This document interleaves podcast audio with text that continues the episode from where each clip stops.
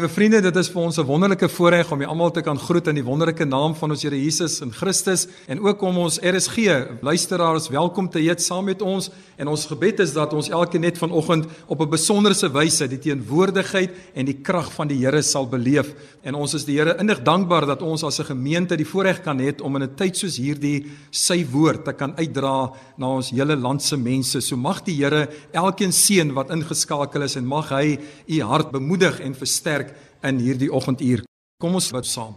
Hemelse Vader, ons sê vir U so baie dankie vir so 'n wonderlike voorreg wat ons het om vir U te mag aanbid. Here vir die voorreg dat ons U ons Vader kan noem, dat ons net kan besef wat 'n voorreg dit is om U te kan ken, om U te kan dien, om van U teenwoordigheid bewus te kan wees. Here, en daarom wil ons hierdie diens vandag aan U kom opdra en ons wil vra dat U dit sal seën, dat U Here dit sal gebruik tot eer en verheerliking van U naam. Vader, ek wil in besonder kom bid vanoggend vir iemand wat mismoedig is, vir iemand wat teleurgesteld is, vir iemand wat bedroef is. Dit is my gebed, Here. Dis die doel van hierdie diens ook vanoggend om mense te bemoedig en dat die woord van die Here dit sal doen, want u woord is vas. U woord, Here, is die lewende woord van God en ons wil bid dat u hierdie geleentheid vanoggend sal seën en dat ons sal weet en net weer opnuut erken die Here is 'n lewende God en u is die beantwoorder van gebed. Here, ons vra vergewe asseblief ons sondes en ons ongeregtighede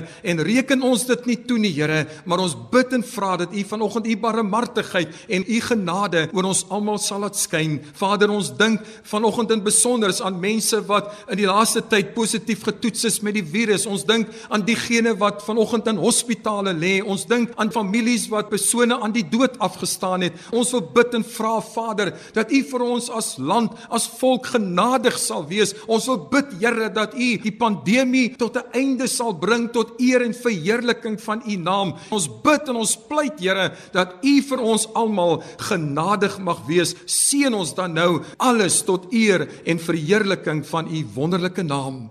Geliefdes, genade, barmhartigheid en vrede word aan elkeen van u geskenk van God ons se Vader in Jesus Christus sy seun en deur die kragtige medewerking van sy Heilige Gees. Amen. Kom ons sing lekker saam tot eer van die Here.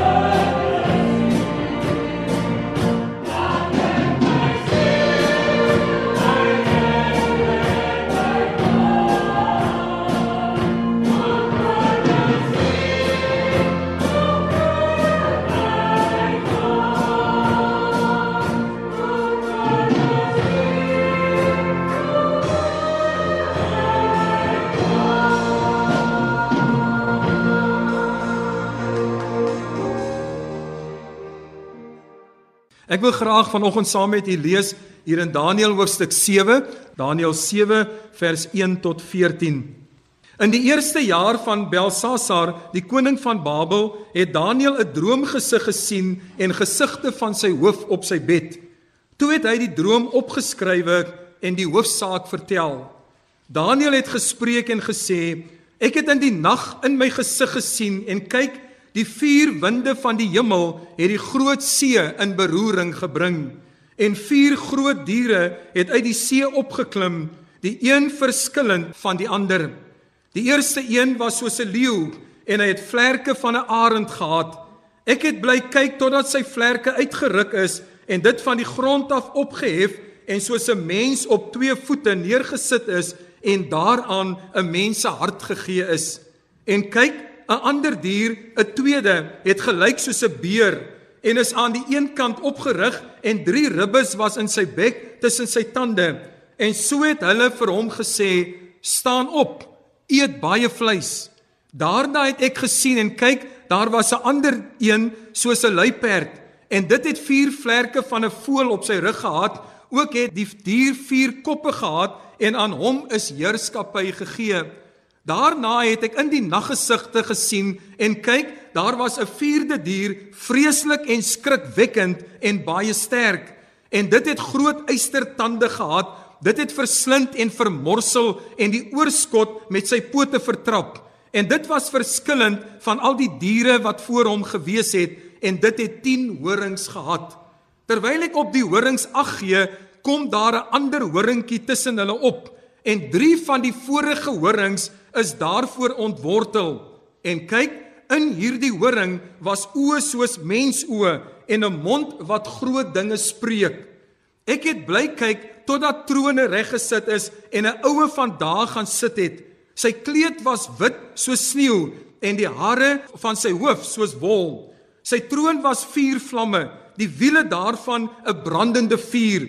'n Stroom van vuur het gevloei en voor hom uitgegaan. Duisend maal duisende het hom gedien en 10000 maal 10000de het voor hom gestaan. Die gereg het gaan sit en die boeke is geopen. Ek het toe bly kyk vanweer die stem van die groot woorde wat die horing gespreek het. Ek het bly kyk totdat die dier gedood en sy liggaam vernietig en aan die verbranding deur vuur oorgegee is.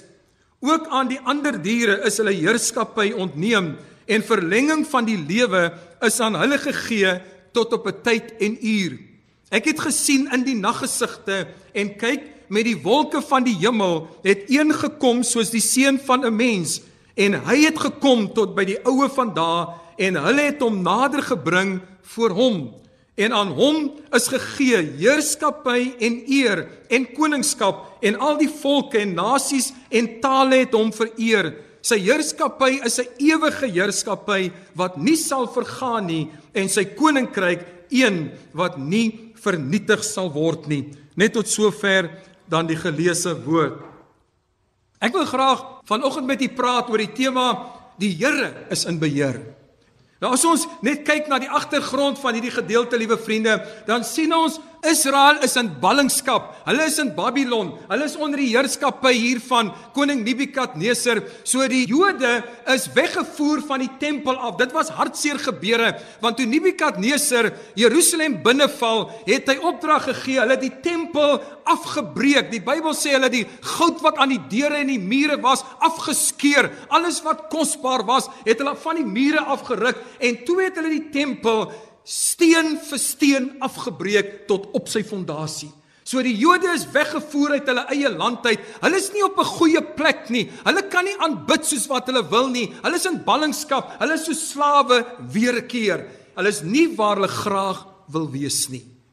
Die punt wat ons vanoggend baie duidelik wil uitlig hier is dat dit maak nie saak wat die omstandighede in 'n mens se lewe is nie. Dit maak nie saak wat dit is wat vandag vir jou en jou geloof wil vernietig nie. Daar's 'n God en hy is in beheer. En ons het nodig om dit te glo. Ons het nodig om dit ons eie te maak want as ons twyfel hieraan, dan gaan ons 'n geloofskrisis hê. As ons twyfel hieraan, dan gaan ons wonder wat is besig om met ons te gebeur. As ons kyk na hierdie vier koninkryke, dan sien ons dat die een raak magtiger en wreder as die ander een. Die eerste koninkryk waarvan hier gepraat word, is die Babiloniese koninkryk waaronder Nebukadneser en ook sy seuns wat opgevolg het na hom. Dis die koninkryk van die leeu en dit praat van hierdie koningskap, maar dit praat ook van een wat ten volle in beheer is en wat vrees inboesem. Die tweede koninkryk van wie gepraat word, is die Persiese koninkryk. Die derde koninkryk van wie gepraat word, is die Griekse koninkryk onder die groot Alexander. Dan is daar die vierde koninkryk, die Romeinse koninkryk. So met ander woorde, as 'n mens kyk van waar Daniël sien, dan sien hy van waar hy nou is onder die heerskappy van Nebukadneser, die Babiloniese ryk, maar hy sien tot by die Romeinse koninkryk. En wat is die Romeinse koninkryk? Dis die tyd wat Jesus gekom het. So hy sien met ander woorde van waar hy was tot wat nog gaan kom en hy kom agter dat hierdie koninkryke raak een na die ander sterker en wreder, soveel so dat hy aan die vierde dier nie 'n naam kon gee nie. Hy sê net hy's anderste as almal. Hy's wreder, hy vertrap, hy spreek harde woorde. Tog, liewe vriende, maak nie saak hoe sterk hulle geraak het nie, maak nie saak hoeveel vrees hulle ingeboesem het nie. Die Bybel sê vir ons, hulle almal het tot 'n einde gekom.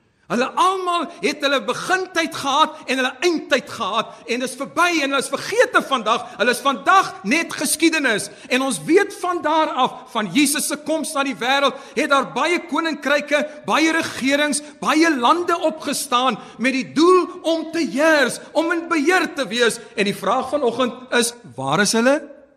Ons het nodig om net herinner daaraan te word dat God is in beheer. Wat vir my so fantasties is van hierdie gedeelte tot hier waar ons nou gelees het Daniël 7 is die feit dat onthou weer Daniël is in ballingskap. Die Jode is in ballingskap. Hulle is nie op 'n goeie plek wat hulle godsdiens aanbetref en wat hulle eie lewensomstandighede aanbetref nie. En die vraag is, wat maak jy as jy omstandighede so sleg raak? Wat maak jy as jy jou plek van aanbidding verloor? Wat maak jy as daar soveel druk op jou is dat jy geen beheer oor wie jy is en wat jy wil doen en wat jy mag doen nie? Andere heers oor jou. Sit en kla jy of vertrou jy op die Here wie in beheer is?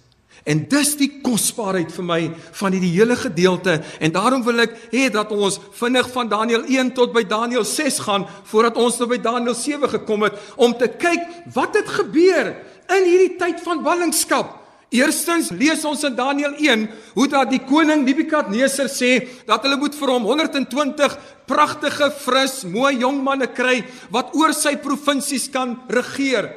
Hulle moes die bestes kry en hy toestemming gegee dat hulle ook maar van die Jode kan kry wat in ballingskap is en so onder andere was Daniël, Sadrag, Mesach en Abednego vier van hierdie manne wat onder hulle geval het. Die koning se opdrag was dat hulle vir 2 jaar voorberei moes word voordat hulle hulle posisies kon inneem. Deel van die voorregte wat hulle kon geniet was dat hulle kon die koninklike spyse eet. Hulle kon drink, hulle kon eet, hulle kon partytjie hou.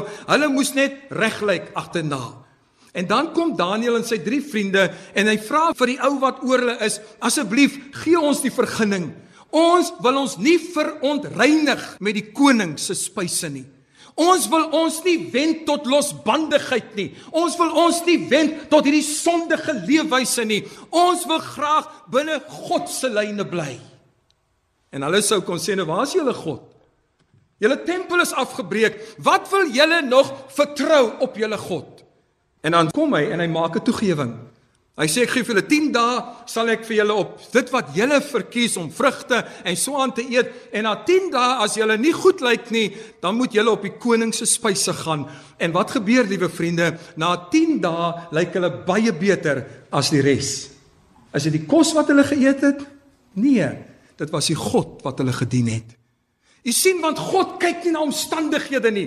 God kyk nie na wat sê die mense nie. God is in staat om in die donkerste donkerte 'n lig aan te steek. God is in staat om maak nie saak hoe die aanslag van die vyand op jou is nie, om jou as kind van die Here te kan laat uitstyg omdat hy in beheer is. Daniël 2 lees ons Nebukadneser het 'n droom gehad. Nou roep hy al die wyse manne en die slim manne in wat vir hom moet raad gee en hierdie drome moet kan uitlê en hy's hard op hulle want hy vra vir hulle Ek het 'n droom gehad. Vertel vir my wat ek gedroom het en gee my die uitleg. Dis nou ou wat moeilikheid met jou soek. Want hy sê vir hulle, as julle dit nie kan doen nie, dan gaan julle doodgemaak word.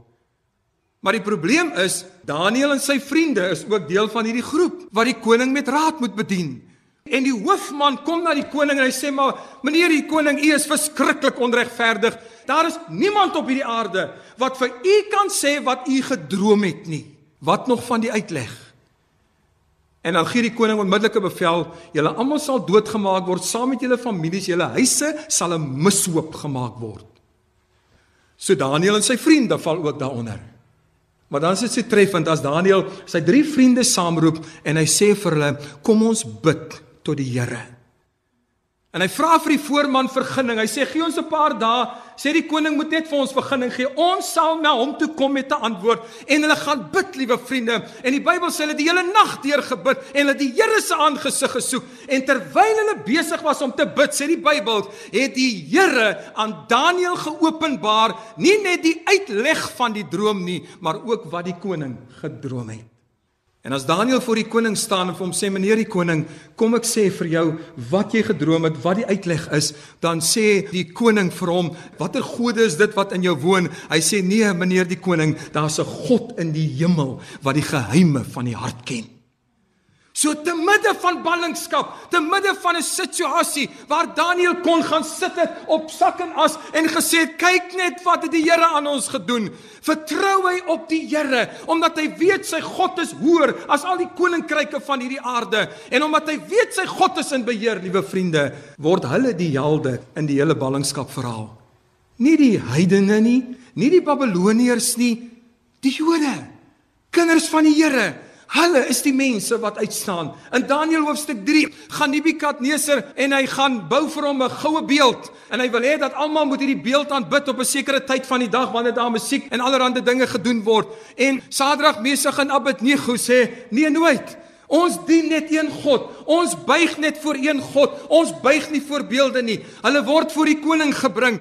Hierdie drie ou eenvoudige ballingskap Jode staan voor hierdie magtige koning. Die koning dreig vir hulle. Hy sê vir hulle: "Ek het 'n vuur aan die brand gesteek en as julle nie buig voor my beelde nie, dan sal julle versekerlik doodgaan." Hy sê vir hulle: "Ek gee julle 'n laaste kans." Hoor wat sê hulle vir hom? "Meneer die koning, daar's geen manier dat ons voor jou God sal buig nie." En dan gaan hulle verder. Hy vra vir hulle: "Wie's die God wat julle kan verlos?" Hulle sê meneer die koning, ons is verseker dat ons God ons kan verlos. Maar hulle sê 'n tweede ding.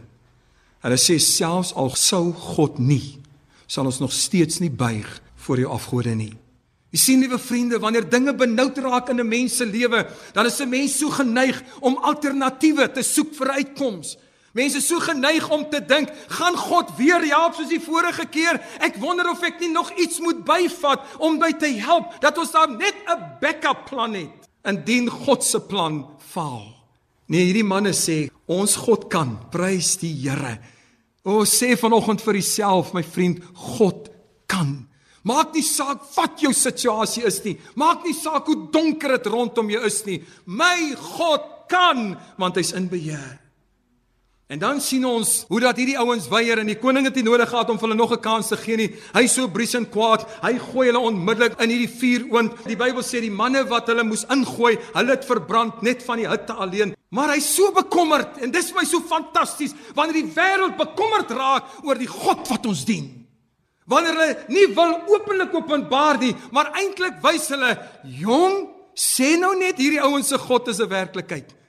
So daarom gooi hulle nie die manne in die vuur nie. Hulle bind hulle hande en hulle voete vas om seker te maak daar kan nie 'n wonderwerk gebeur wat hulle hier kan uithaal nie. En hulle gooi hulle in. En die koning gaan staan voor die oond om te sien hoe lekker hierdie ouens gaan brand. Maar toe hy so kyk, toe roep hy weer die manne. Hy sê maar ons het nie 3 manne in die oond gegooi nie. Ja meneer die koning. Hy sê hoe sien ek dan 4? Hy sê en dis nie net 4 nie. Hulle loop rond. Dis soos ouens wat baie in die son. Hoekom liewe vriende? Want God is saam met hulle in die oond. God is in beheer van die hitte van die oond. Nebukadneser se manne brand dood van die hitte. Hierdie drie ouens is binne in die vuur. God is in beheer. In Daniël hoofstuk 4 lees ons hoe dat die Here vir Nebukadneser sê: "Ek het jou die koning gemaak wat jy is." Dis nie omdat jy wonderlik is nie. Elke regering wat daar in die wêreld is, hulle is nie aan bewind omdat hulle die beste kandidaate was nie. Op die oog af lyk dit so, maar God is die genadige God. En die Here sê vir Nebukadneser, ek het jou aan bewind gebring, maar jy raas teen my. Jy het jou nie verootmoedig voor my nie en daarom sal ek jou verootmoedig. En hierdie magtige koning, die magtigste een van sy tyd in die hele wêreld, Die Here gooi hom van sy troon af. Hy maak hom soos 'n dier wat gras vreet saam met die diere. Hy slaap buitekant. Hy word nat gemaak deur die dou, want jy sien daar's 'n God hoër as hy. My God is in beheer. Daniël 5 kom Belsasar, Nebukadneser se seun. Hy is nou aan bewind. Hy het hierdie magtige ryk wat hy oorneem. Hy gaan hou 'n partytjie en hy's so verwaand eintlik dat hy sê man, weet ons is nou in beheer selfs van die Jode. Kyk, almal wou net oor die Jode regeer dat hulle kan die God van die Jode verkeerd probeer bewys.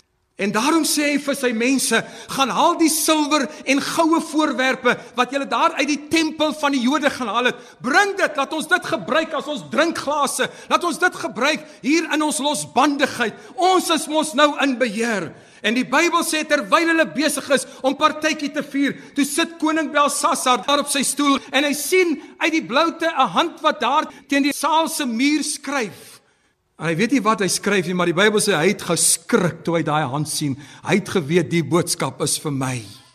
En dan soek hulle weer iemand om dit te kan uitlê en Daniël kom in en Daniël sê vir hom: "Meneer die koning, dit is God wat geskryf het." En dis die boodskap wat hy geskryf het. Die Here het jou geweeg en het jou te lig bevind en het 'n einde aan jou koningskap gemaak. Die Bybel sê dieselfde nag toe dood hy.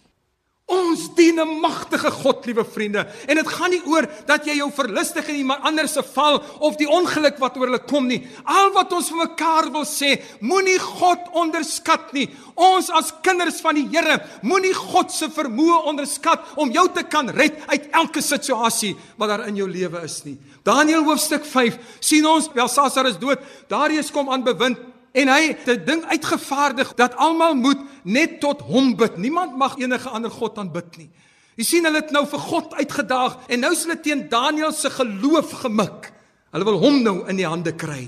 Daniël stuur hom nie daaraan nie. Daniël weet wie's in beheer.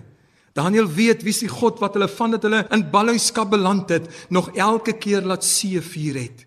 En dan gebeur dit dat hulle vang vir Daniël want hulle het geweet Daniël het die gewoonte gehad om 3 maal 'n dag te bid.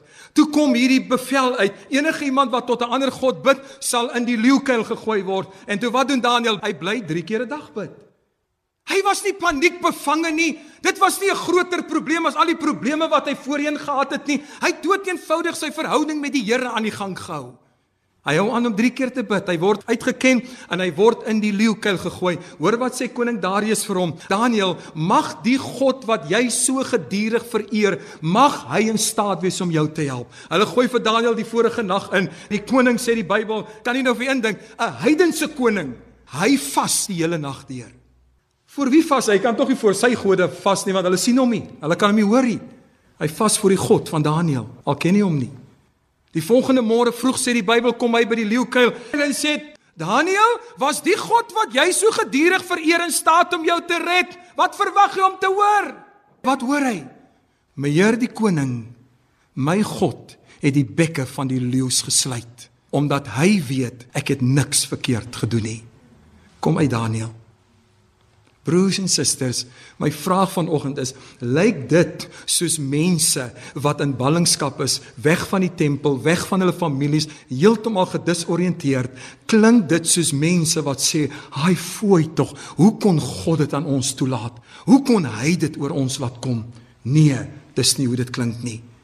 Want hulle weet wie hulle God is. En vanoggend wil die Here vir my en vir u sê: Maak net weer seker wie is jou God. Moenie angstig raak nie, moenie angstig rondkyk nie. Laaste gedagte wat ek vinnig wil uithaal. Terwyl die koninkryke woed hier op aarde, is daar 'n koninkryk in die hemel. Weet jy wat vir my so pragtig is? Die Bybel sê, hy sê ek het verder gekyk in my naggesig en toe sien ek die oue van daar. Wie is die oue van daar? God. Wat doen hy? Hy sit. Hy ontspan. Terwyl die koninkryke woed hieronder om die een na die ander in beheer te wees, sit God en ontspan. Hoekom? Want hy's in beheer. Hy het niks om voor te veg nie. God se posisie is nie in gedrang nie, liewe vriende. Hy's in beheer want hy's God. En dan terwyl hy daar sit, sê die Bybel, het ek gesien daar kom iemand aan soos die seun van die mens op 'n wolk. Jesus. Hy kom in die hemel aan. Nou mense kan maar net dink dat wat hier gebeur is die ander kant van wat in Handelinge 1 vers 13 gebeur. Nadat Jesus sy disippels gegroet het, sien hulle, die Bybel sê duidelik daar, hulle het gesien hoe dat hy in 'n wolk opgeneem word. Wat sien Daniël? Hy sien hoe dat Jesus met 'n wolk aan die ander kant aankom. En hy word na die Vader toe gebring. En hy kry sy plek saam met die Vader en hulle sit. Daar's nie angs by hulle oor enige iets wat hier op aarde gebeur nie. Hulle sit want hulle is in beheer. En dan sê vers 13 en 14 en al die heerskappy, al die mag is aan hom gegee. Al die volke, al die tale, al die nasies het lof aan die een gebring wat saam met die oue van daar sit. Broers en susters, die wonderlikheid is terwyl ons hier op aarde almal nog in een of ander stryd gewikkel is, of dit siekte is of dit omstandighede is, wat dit ook al mag wees, terwyl ons in 'n stryd gewikkel is, sê God vanoggend vir my en u dood eenvoudig dit Plaas jou volle vertroue in my, want ek is in beheer. Maak nie saak wat die situasie is nie. Moenie jou geloof skuif na iets of iemand anders nie, want jou geloof in die Here sal jou nie in die steek laat nie. Amen. Kom ons bid saam. Vader, baie dankie vir die woord. Baie dankie dat ons kan vra dat U U woord in ons elkeen se harte sal kom vasmaak, Here, dat ons daarin sal vashou en sal weet dat dit is U bemoediging vanoggend aan elkeen van ons in Jesus naam. Amen. Ons gaan ons laaste lied sing en dan sluit ons af.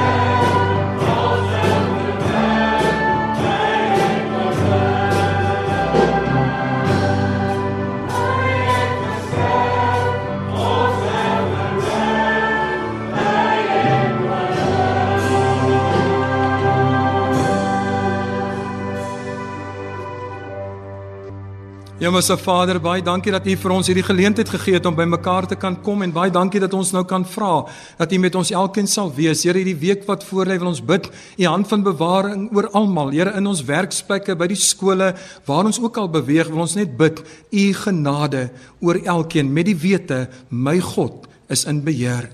Geliefdes, die genade van ons Here Jesus Christus, die wonderlike liefde van God ons se Vader asook die geseënde teenwoordigheid met God die Heilige Gees en die Here se vrede. Dit word vanoggend vir u elkeen en vir u gesinne toegebid vir die res van die week totdat Jesus kom. Amen.